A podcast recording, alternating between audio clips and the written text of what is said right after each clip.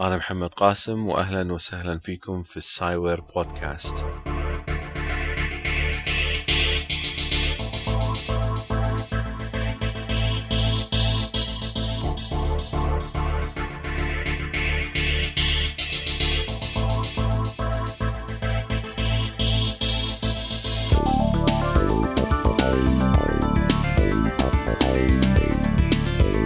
البودكاست هذا راح يتناول العلم والتكنولوجيا.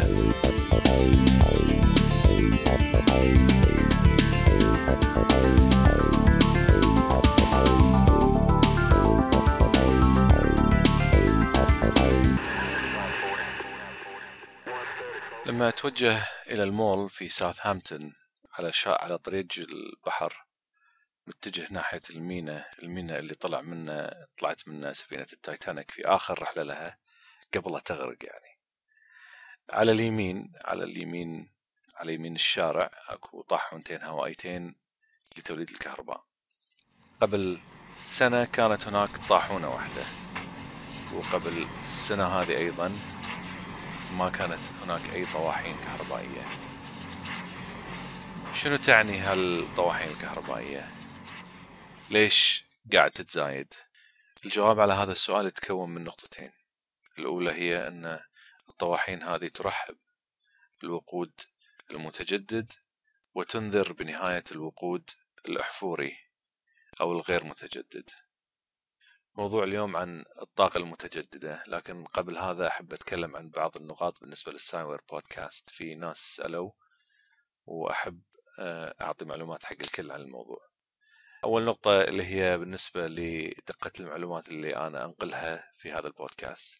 أنا البودكاست هذا أستغرق فيه أسبوع كامل لتجهيزه أجيب معلومات من الإنترنت أنتقيها من كذا مكان وفي نفس الوقت يعني أنا مطلع على الكتب بقدر الإمكان وأجمع هذه المعلومات وأحطها وأرتبها بحيث تكون يعني مقبولة بحيث أن الشخص اللي يسمعها يتقبل سماعها ويستمتع في سماعها بدل ما تكون بس سرد لمعلومات.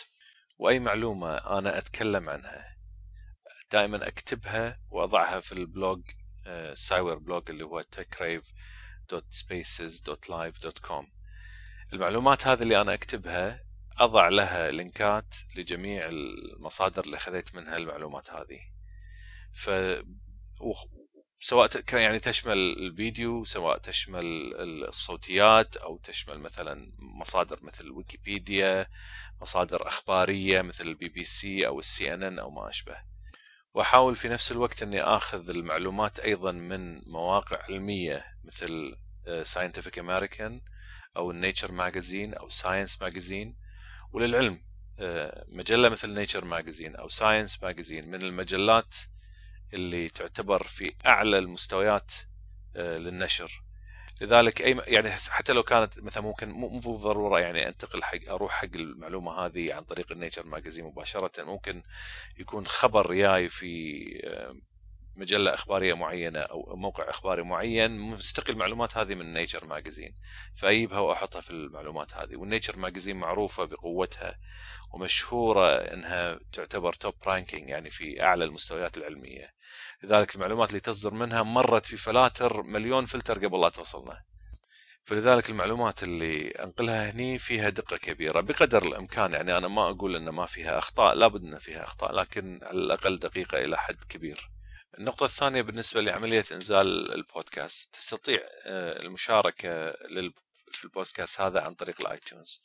ال iTunes يوفر لك الإمكانية أن أي حلقة جديدة تنزل مباشرة تنزل عندك في الجهاز. فبدل ما تنتظر إن مثلا أنا أضع ال link على الإنترنت ساعات أنا أحط ال link ات هذه على مثلا منتديات. لكن أحيانا يعني ممكن أتأخر في وضع ال link هذا على المنتدى. لذلك تتأخر أنت في سماع البودكاست. وأنا أحاول قاعد أحاول إني أنزل البودكاست هذا بالأسبوع مرة قدر على قدر الإمكان يعني. لذلك أنصح الاشتراك عن طريق الآيتونز والاشتراك مجاني. في بعض الناس ما تستطيع تشترك لأن مشكلتها إن مثلا إذا كنت أنت مثلا على سبيل المثال كنت في الكويت أو في السعودية لازم تروح تحول من. يعني في تحت في أسفل شاشة الآيتونز في الدول اللي تختارها إذا كنت أنت مثلا دولتك الكويت أو السعودية أو مصر أو ما أشبه أي دولة أي دولة كانت لازم تحولها حق أمريكا أو ما أنا ما جربت على بريطانيا بس لازم تحولها حق أمريكا بحيث إنها تستطيع تنزل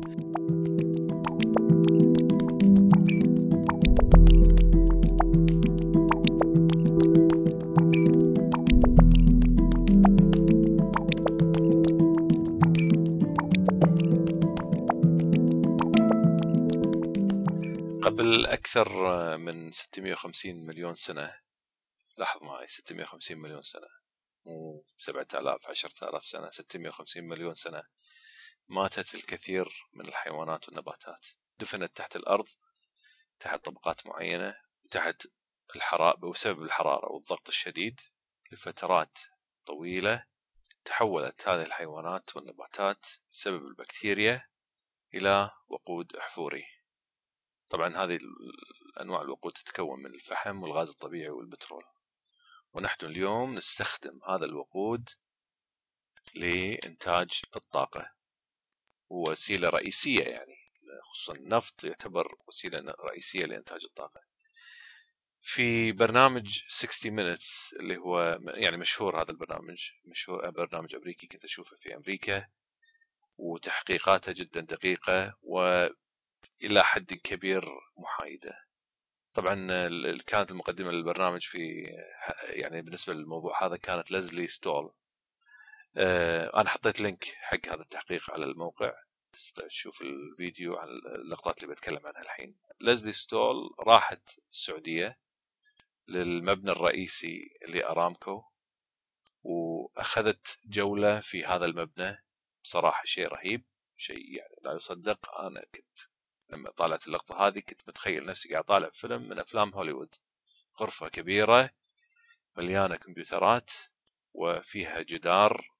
الجدار طوله تقريبا 70 متر وعليه على هذا الجدار شاشة طويلة من أولها لآخرها.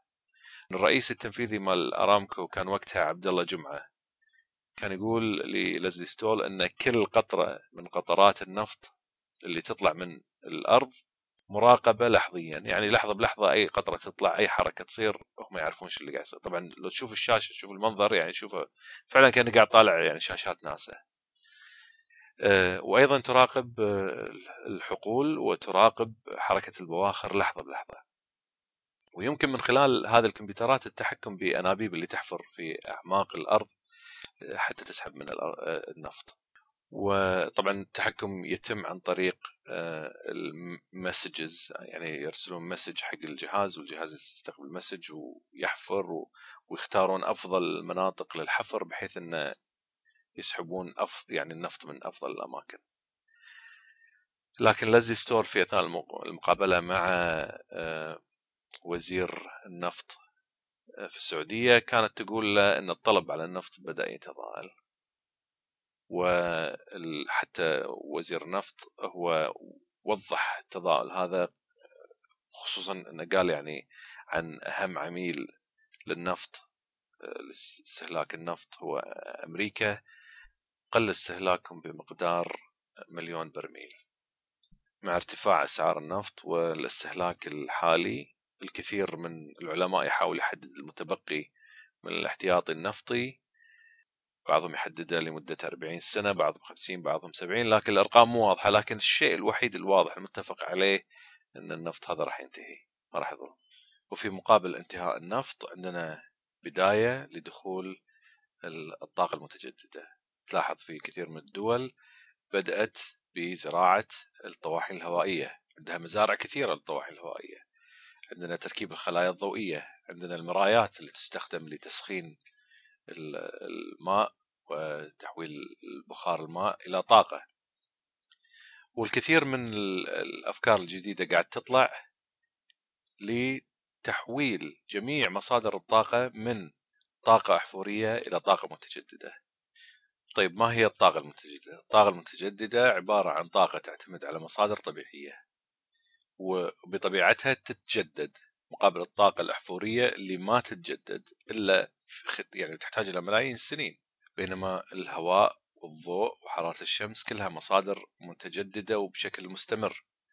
الخطة المستقبلية الحين للاتحاد الأوروبي أنها تنتج 20% من الإنتاج المحلي للطاقة في سنة باستخدام الطاقة المتجددة في سنة 2020 يعني عشر سنوات من الحين استهلاك النفط راح يقل بشكل أكبر. لاحظ معي يعني عشر سنوات كم راح يكون عمرك وقتها؟ لما تمر عليك عشر سنوات في هذا الوقت راح يكون عندنا في دول الاتحاد الأوروبي 20% من استهلاكها للطاقة يعتمد على الطاقة البديلة، الطاقة اللي تعتبر طاقة متجددة.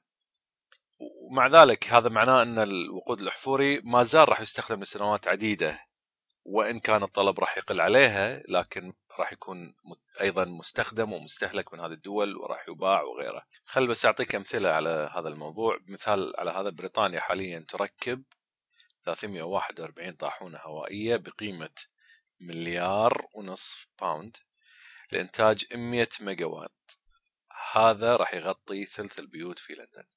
في صحراء موهافي desert في كاليفورنيا حرارة الشمس الحين تجمع بواسطة 900 ألف مراية. لتسخين الماء والماء طبعا أكو مكاين تشتغل على البخار steam engines هذه المكاين مرايات تسخن هذا البخار الماء ويتحول إلى بخار والبخار هذا يعطينا طاقة ميكانيكية بسبب المكاين ويعطينا 354 ميجا وات إسبانيا عندها آه، أكبر مزرعة للخلايا الشمسية تولد منها 60 ميجا وات والمتوقع إن في سنة 2014 إن إنتاج الطاقة يزيد إلى تقريبا 14 جيجا وات أو 13900 ميجا وات طبعا آه، أنا وضعت أيضا link ات لبعض الدول اللي تنتج الطاقة باستخدام الشمس تستطيع تعرف شنو هذه الدول وتشوف إيش كثر إنتاجها للطاقة. في الكويت طبعا مثلا أنا أعطيك مثال عشان تعرف آه، الأرقام هذه شنو معناتها. في في في الكويت مثلا عندنا استهلاك الطاقة في شهر رمضان حسب جريدة القبس في شهر رمضان المفروض يوصل إلى 10000 ميجا وات طبعا هذا رقم كبير حق دولة كاملة. وإن كانت هذه دولة صغيرة لكن استهلاكها للكهرباء كثير. إحنا نتكلم عن الدولة بكاملها ونتكلم عن آه، طبعا البيوت شركات مدارس منشآت وزارات وغيرها. هذه كلها تستهلك عشرة آلاف ميجا وات يعني مثلا الرقم اللي أنا ذكرته اللي هو 100 ميجا وات يغطي ثلث بيوت لندن. إحنا نتكلم عن فقط بيوت لندن. هذا غير إن عندك المصانع وغيرها وهاي الدول يعني دول مصنعة فتحتاج إلى طاقة كبيرة.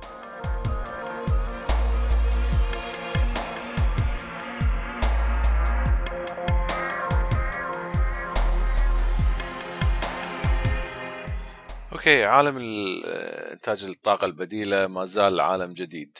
والاختراعات اللي فيه ما زالت تتولد الأفكار كلها جديدة يعني قاعدين العلماء يشتغلون شغل جاد جاد جاد جاد. ما أقدر أصور لكم مدى جدية هذا الموضوع. العلماء قاعدين يشتغلون من يعني ما خلوا فكرة ما ما قاعد يحاولون يطبقونها.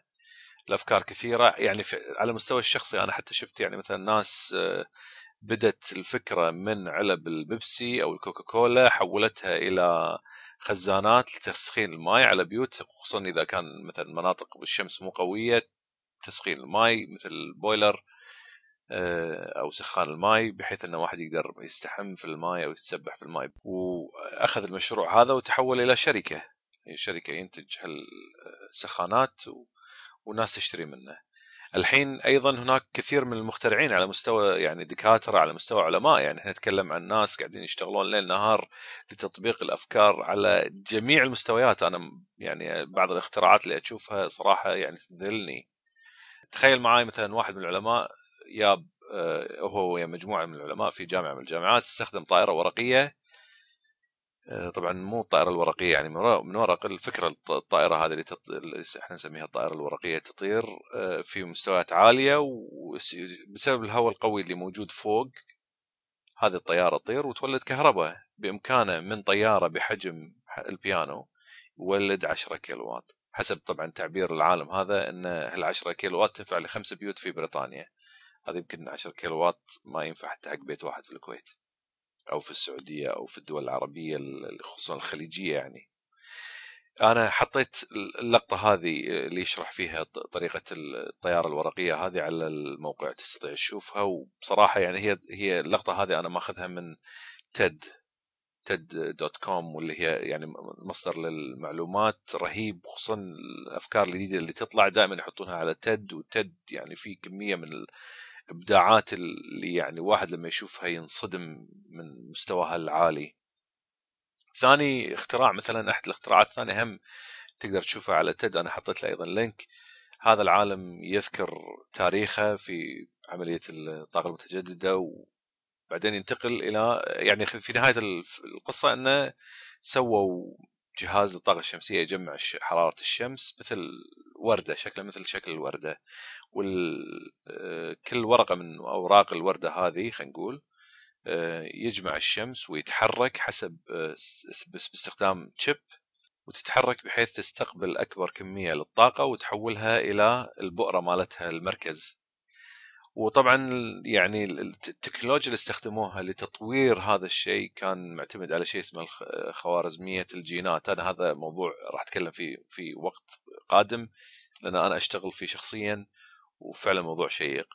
لكن استخدموا هذا لتوليد الطاقة واستخدموا شيء يسمونه أيضا ال Stirling engine Stirling engine ماكينة آه، أحد رجال الدين اخترعها. ولم تستخدم لفترة طويلة. الحين بسبب آه، يعني قضية الطاقة والطاقة المتجددة بدأت الناس ترجع لها مرة ثانية ترجع لل Stirling engine مرة ثانية. واستخدم ال Stirling engine واستط... الحين طبعا هو قاعد هو في خلال شركته هذه قاعد يحاول إنه ياخذ هذا الجهاز ويحطونه على البيوت والفكرة ما زالت يعني قاعد يشتغلون عليها وفي النهاية يحطونها على البيوت وتولد طاقة لبيت وبعد ذلك بإمكان الشخص العادي يشتري مثل هذا الجهاز ويركبه على البيت ويستفيد منه كطاقة مصدر للطاقة ويخفف الأعباء على الشبكة اللي تولد الطاقة اللي موجودة حق الدولة كلها.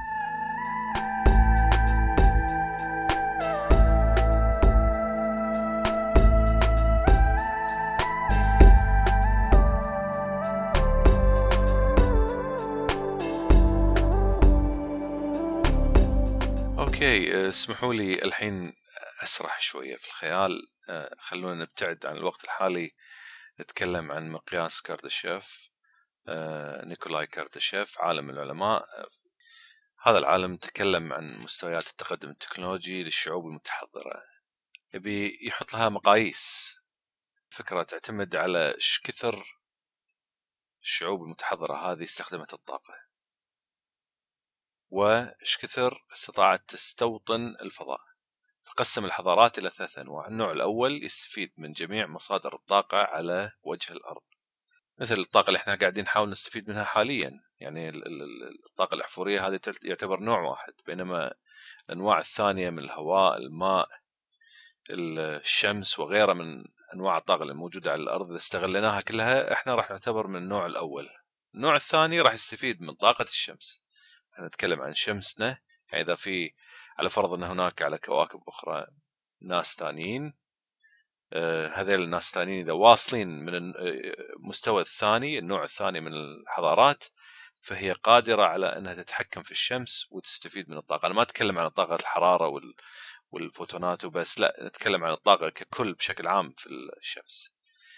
يوصل حق المستوى النوع الثالث وهذا النوع الثالث عبارة عن آه، جدا يعني حضارات جدا متقدمة وتستطيع إنها تتحكم بالطاقة اللي متوفرة في المجرة ككل. يعني شيء هائل ضخم جدا. الحضارة الحالية بناء على كارداشوف طبعا هي 0.718 يعني أقل من واحد هي سبعة من عشرة. الحضارة اللي إحنا عايشينها طبعا. وميشو ميشيو كاكو عالم العلماء كبير آه، ياباني. هذا العالم آه، قرأت له أيضا كتاب من الكتب ويتكلم عن هذا الموضوع بالذات يعني طبعا جزء من المواضيع اللي يتكلم عنها هو هذا الموضوع. وحطيت له link آه، لليوتيوب يتكلم عن نفس الموضوع هذا الحضارات الثلاثة وهو يحطنا على أساس أن إحنا حضارة رقم صفر. وإحنا حاليا في مرحلة انتقالية ويعتقد أن خلال مئة سنة سنكون حضارة من نوع رقم واحد. هو الانتقال للحضارة الجديدة اللي تستخدم جميع مصادر الأرض آه، جميع مصادر الطاقة اللي موجودة على الأرض. عند هذه النقطة أتحول إلى المستجدات العلمية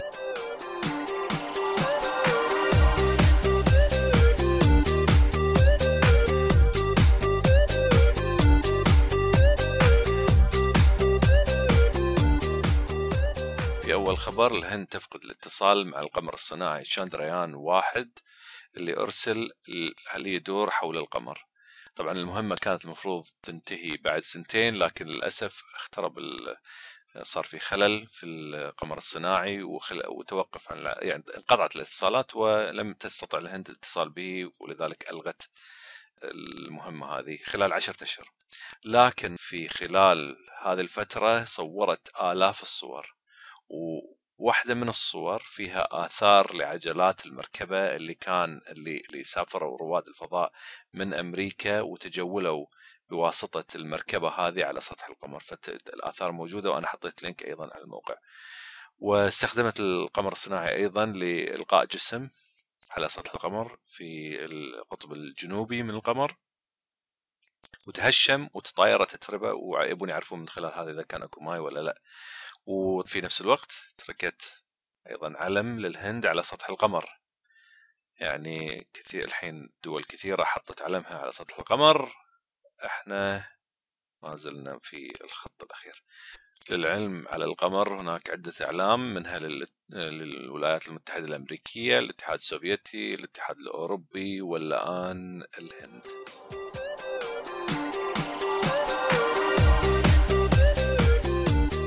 الخبر الثاني علماء في بريطانيا من شركة أستريوم يخططون لحماية الأرض من الأسترويدز أو الكويكبات اللي ممكن تصطدم في الأرض. هاي الخطة طويلة الأمد وما في مجال أنها تطبق في الوقت الحالي. لكن الفكرة ما هي خيال الفكرة هي علمية. فبدل من أن يقذفون الكوكب الكويكب هذا ب مثلا متفجرات بحيث إنه يفجرونه ويفتتونه أو إنه مثلا يصادمونه في شيء بحيث إنه مثل كرة البلياردو يعني توجه الكويكب هذا اتجاه ثاني فكر العلماء بطريقة معقولة ومنطقية أكثر. تخيل معاي إن مثلا على فرض إحنا استطعنا إن نعرف أكو كويكب جاي يبي يصطدم بالأرض قبل 15 سنة من اصطدامه. كل اللي عليهم يسوونه يودون له آه، مثل مركبة فضائية صغيرة فيها كل جسم له جاذبية وهذا الجاذبية تؤثر على هذا الكوكب من مسافة قصيرة وبتأثير بسيط تدريجي لمدة 15 سنة إلى أن يتغير اتجاه هذا الكويكب ويبتعد عن اصطدام اصطدامه بالأرض.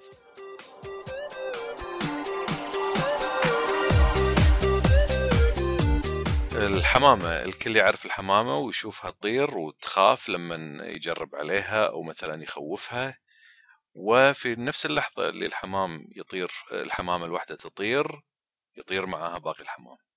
لكن لاحظ معي إذا تلاحظ بشكل دقيق تنتبه للصوت اللي يطلع من جنحان الحمامة راح تلاحظ شغلة معينة. شنو الشيء اللي تلاحظه؟ اللي هو الصفير اكتشفوا العلماء أن الصفير عبارة عن إشارة لباقي الحمام تنذرهم بالخطر. لذلك لما تطير حمامة واحدة بشكل مفاجئ هذا الصفير اوتوماتيكيا يصدر من تحت جنحانها وكل الحمام يطير في نفس الوقت.